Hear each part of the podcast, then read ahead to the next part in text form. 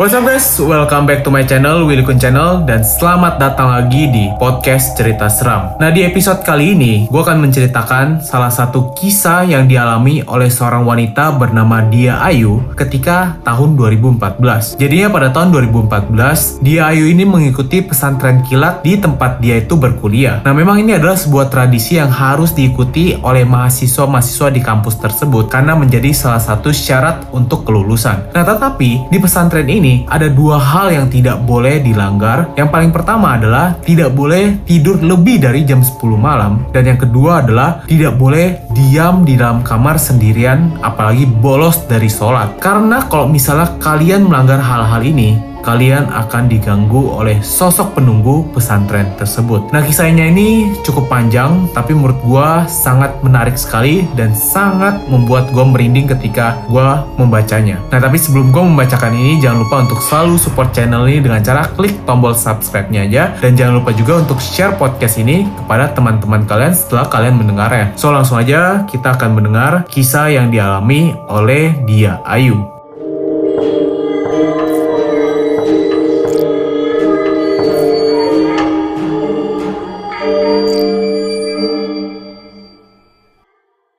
Jadi kisah ini terjadi pada tahun 2014 dan gue akan langsung membacakannya saja kepada kalian. Ini kejadian yang saya alami waktu mengikuti kegiatan pesantren kilat dari kampus saya sekitar tahun 2014 kalau tidak salah. Jadi saya dulunya kuliah di salah satu universitas muslim di Makassar yang tersohor dengan program pencerahan kalbu yang wajib diikuti oleh semua mahasiswa selama 30 hari. Kegiatannya sendiri dilakukan di pesantren kampus yang lokasinya jauh di pedesaan. Nama tempatnya Padang Lampe. Pesantren kilat ini harus diikuti oleh semua mahasiswa, biasanya di semester 2 atau 3 secara bergantian tiap fakultas. Wajib ya, soalnya dari sana kita akan mendapatkan tanda bukti berupa sertifikat yang nantinya dipakai sebagai persyaratan untuk bisa ikut di ujian sidang skripsi. Hal itulah yang akhirnya membuat pandangan orang-orang terhadap mahasiswa di kampus saya sangat identik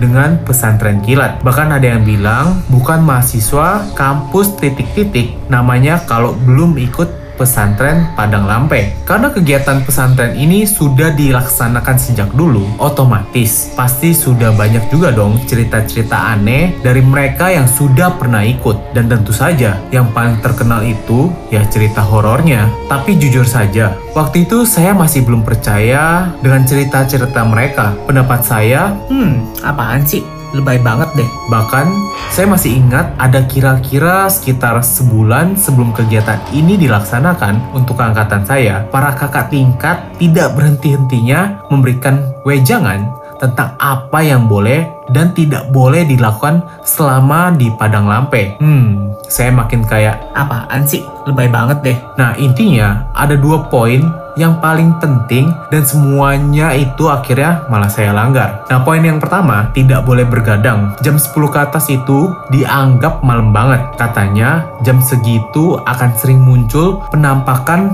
yang aneh-aneh. Kemudian yang kedua, tidak boleh tinggal di kamar sendirian. Atau mau bolos nggak ikut sholat, kalian itu di masjid dan ngumpet di kamar sendirian itu big no banget guys. Kalaupun lagi sakit, minimal harus ada satu orang yang nemenin. Konon, kalau sendirian bakal digangguin. Terserah deh dengan cara apa.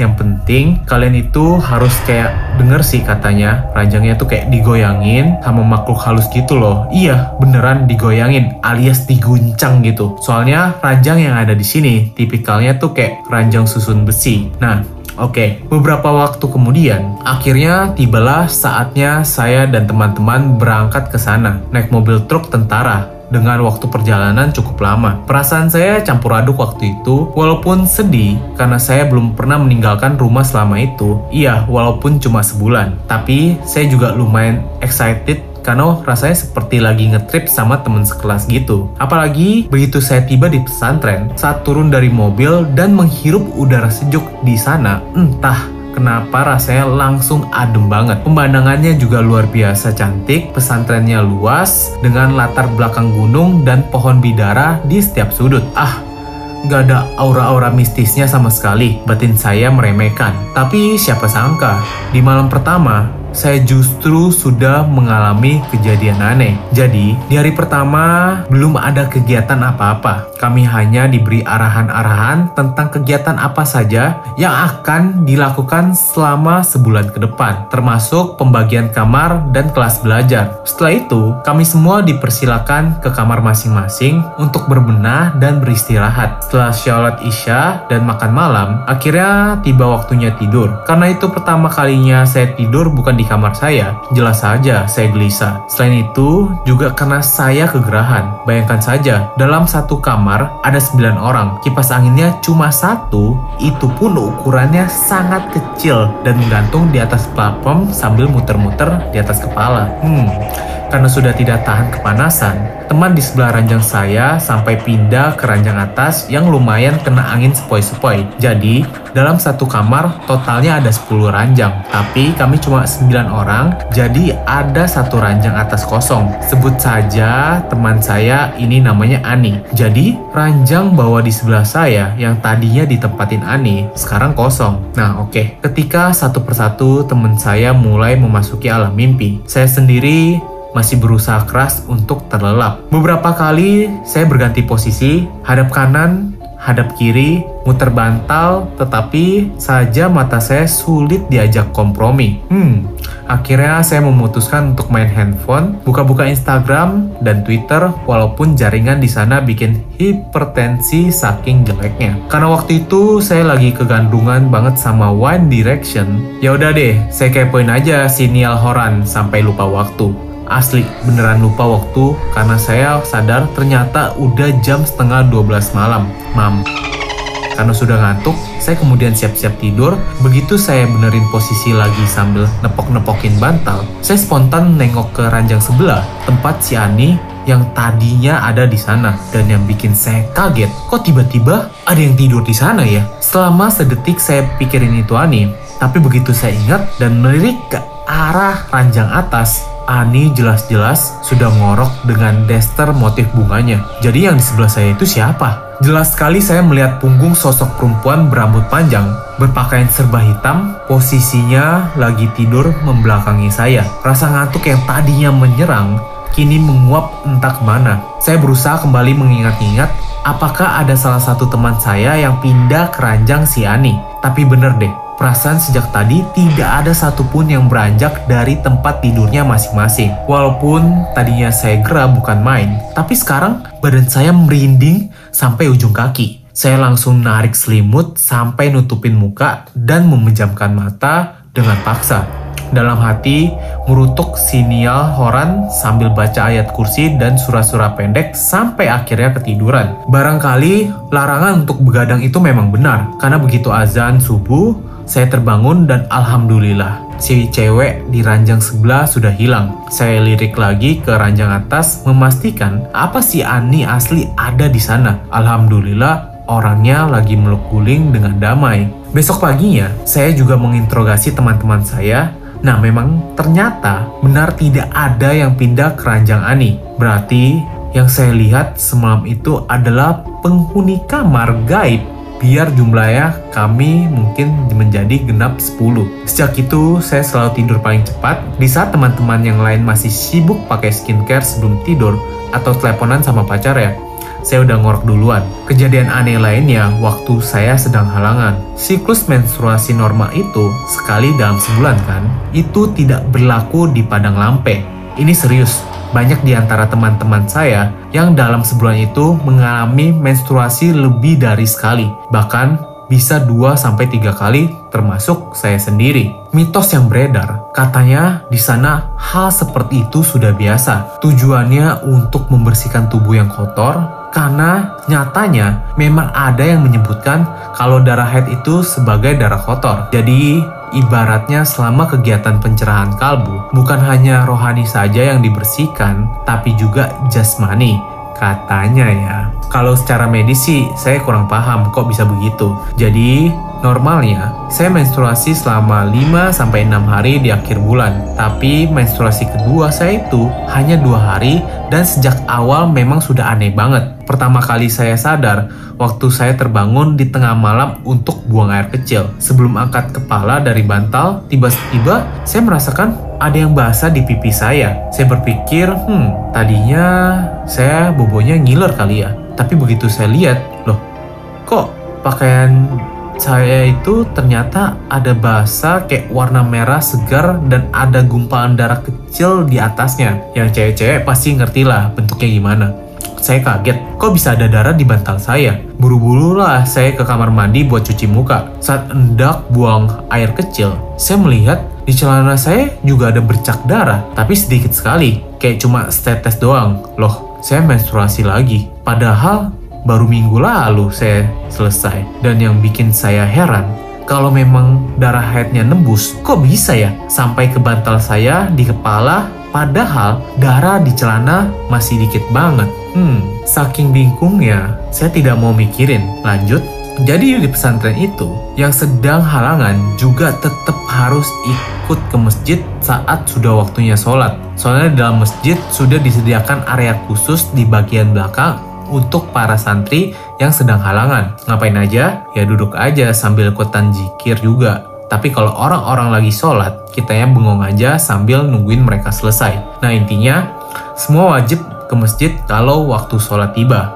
bahkan sholat tahajud sekalipun. Di menstruasi kedua saya itu, ternyata cuma saya sendiri yang halangan di antara teman-teman sekamar saya. Hmm, alhasil begitu waktunya sholat tahajud, saya ogah-ogahan ikut ke masjid. Soalnya nanti juga bengong sendirian di sana. Sementara mereka sholat semua, hmm. Selain itu saya juga masih ngantuk banget. Tiba-tiba terbesit di pikiran saya buat tinggal saja di kamar dan melanjutkan tidur. Teman-teman saya sih tidak ada yang protes. Jadi begitu semuanya sudah berangkat ke masjid, saya langsung masukin sendal ke dalam kamar, kunci pintu, terus matiin kipas angin dan lampu. Yang baru saya tahu, ternyata ada patroli dan mengecek semua kamar di asrama untuk memastikan tidak ada yang ngumpet di dalam kamar demi bolos ke masjid. Jadi saya kaget banget dong waktu dengar suara bunda berteriak-teriak sambil ngetuk pintu kamar persatu. Nah, Ustadz sama Ustadzah ini di sana kita panggil ayah dan bunda. Kamar saya itu terletak di bagian belakang paling ujung, sementara bunda mulai mengetuk pintu dari kamar depan.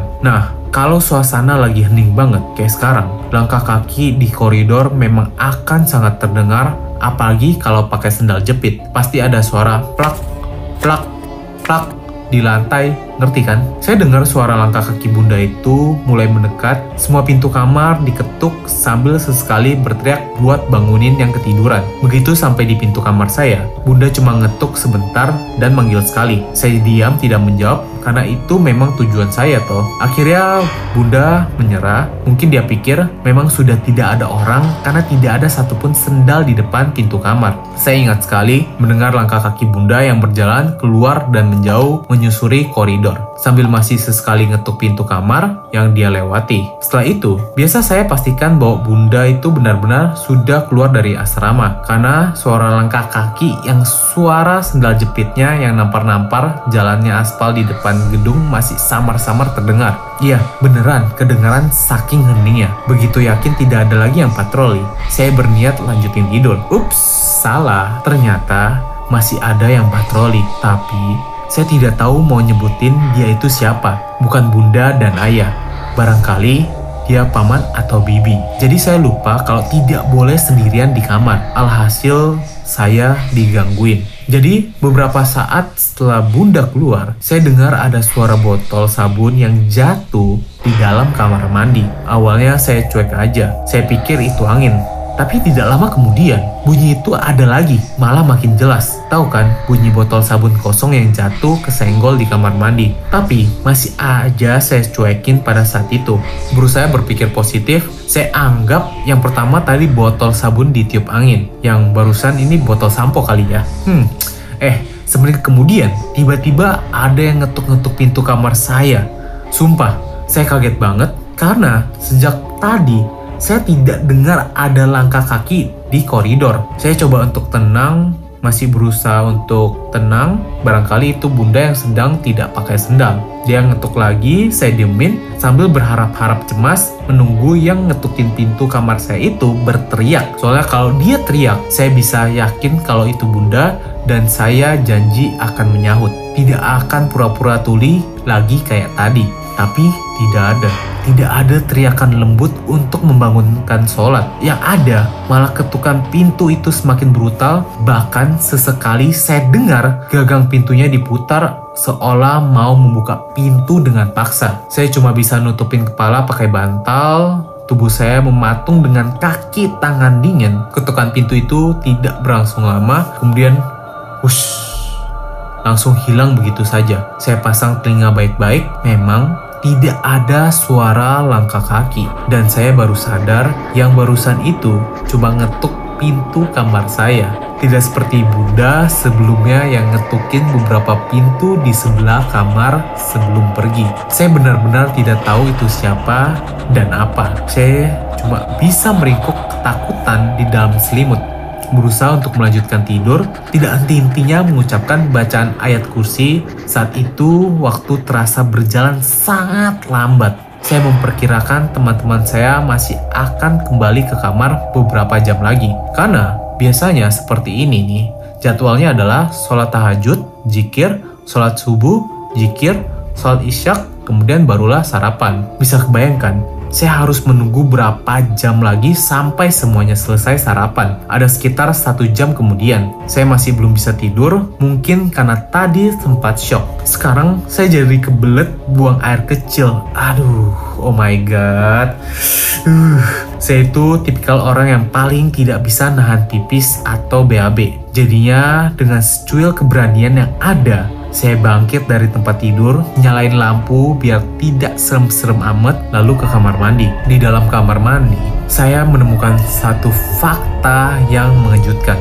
Tidak ada satupun botol sabun yang ada di lantai. Jangankan di lantai, di seluruh penjuru kamar mandi saja tidak ada botol sabun ataupun sampo. Yang ada cuma seonggok pasta gigi yang sudah kurus krempeng. Semua teman-teman saya memang menyimpan peralatan mandinya masing-masing. Jadi di lantai kamar mandi itu benar-benar kosong. Akhirnya saya buang air kecil sambil nahan nangis. Berharap tidak ada yang aneh-aneh dan muncul lagi. Kan gak lucu. Lagi adegan gini malah jump screen pas saya lagi jongkok. Aduh, Ternyata semua tidak selesai sampai di situ. Begitu saya selesai dan keluar kamar mandi, lagi asyik-asyik mengeringkan kaki di keset. Tiba-tiba pintu kamar mandi tertutup kencang dengan sendirinya di balik punggung saya. Semacam ada yang dorong gitu. Astagfirullah. Saking kagetnya, saya langsung lompat ke kamar tidur, ngambil handphone, terus langsung ngechat teman saya yang ada di masjid dengan tangan gemeteran. Iya, mereka memang bandel suka bawa handphone. Eh, syukur saja chat saya langsung dibalas. Ternyata mereka baru saja selesai beres sholat dan sudah waktunya zikir. Kebetulan sekali, dua orang teman saya sekarang lagi jalan menuju ke kamar. Bukan, bukan karena khawatir sama saya, tapi karena mereka mulus mau BAB. Tapi alhamdulillah, maaf ya Mita dan Tia, dari rasa sakit perut kalian yang menyiksa disertai dorongan yang sudah di ujung tanduk itu malah bikin saya lega luar biasa. Padahal tadinya bernapas saja sulit karena ketakutan. Sejak saat itu saya kapok. Ternyata apa yang dibilang orang-orang itu memang benar. Tapi katanya penghuni di sini baik-baik kok. Saya ceritakan hal ini ke Bunda dan katanya memang kalau ada yang bandel dan suka ditegur sama mereka dengan cara apa pun. Saya salah satunya yang telah ditegur oleh mereka. Oh iya, satu lagi. By the way, teman saya yang tadi namanya Mita pernah kesurupan di dalam masjid waktu lagi zikir selepas sholat maghrib. Tiba-tiba dia berteriak histeris sambil menutup telinga, padahal kita semua lagi kusyuk berzikir. Orang-orang mulai panik apalagi saya. Soalnya dia duduk tepat di samping saya dan bunda buru-buru menghampiri kami sambil mukul-mukulin si temen saya ini pakai sejadah. Kasian juga sih sebenarnya, tapi mau bagaimana lagi. Setelah hari itu, Mita selalu melamun menyendiri, dia juga sering lihat hal yang aneh-aneh di kamar, ditambah lagi, orangnya juga jago begadang. Katanya paling sering lihat tangan laki-laki gendut yang kulitnya hitam dan kukunya kotor lagi pegang-pegang besi ranjang. Mau ngapain coba? Hmm. Sebenarnya masih ada banyak cerita lagi sih, serius. Tapi itu yang paling tidak bisa saya lupakan. Walaupun ayah dan bunda di sana pernah bilang, kalau gelombang kami termasuk yang paling adem, karena setiap gelombang biasanya digabung 2-3 fakultas Nah, kebetulan gelombang saya kombinasi fakultas kedokteran plus farmasi. Maksudnya adem tuh mungkin yang jumlah kasus kesurupannya paling sedikit. Soalnya konon banyak yang baru saja tiba di pesantren, ada yang langsung ambruk karena kesurupan. Jadi kesannya kami-kami itu kurang berkontribusi terhadap kejadian seru di sana kali ya. Hmm, ya pokoknya yang kuliah di sana di kampus kami itu sudah pernah ikut pencerahan kalbu di pesantren Padang Lampe, pasti juga punya banyak cerita sejenis yang lebih seru. Apalagi ketika malam sholat taubat, udahlah ada banyak macam jenis tangisan dan jeritan yang terdengar di tengah keadaan yang gelap gulita. Serem, bikin merinding, tapi bikin saya tidak fokus buat sholat. Bahkan katanya ada yang kayang sampai tubuhnya terbang walaupun saya belum pernah lihat. Saya tidak yakin sih cerita terbang-terbang itu betulan ada atau dusta. Tapi ada juga yang dari awal sampai pesantren berakhir tidak mengalami kejadian apa-apa. Sungguh beruntung kali ya. Sekali hidupnya nyantri aja. Hmm, ya pokoknya itu saja. Sekian, terima kasih. Jadi itulah kisah yang dibawakan dari seorang wanita yang pernah mengikuti pesantren kilat yaitu Dia Ayu Mundia yang dialami pada tahun 2014 guys. Kira-kira kalian ada gak yang mengalami hal-hal seperti ini? Kalau memang ada, jangan lupa untuk share cerita seram kalian langsung aja DM Instagram gue di Willy Kun karena akan gue bawakan di channel Willy Kun dan podcast cerita seram ini guys. Itu dia konten hari ini dan itulah video hari ini guys. Jangan lupa untuk selalu support channel ini dengan cara klik tombol subscribe-nya dan inilah saatnya untuk share podcast cerita seram ini kepada teman-teman kalian. Jadi, thank you guys for watching this video and listening this podcast. See you guys in the next video. Ciao!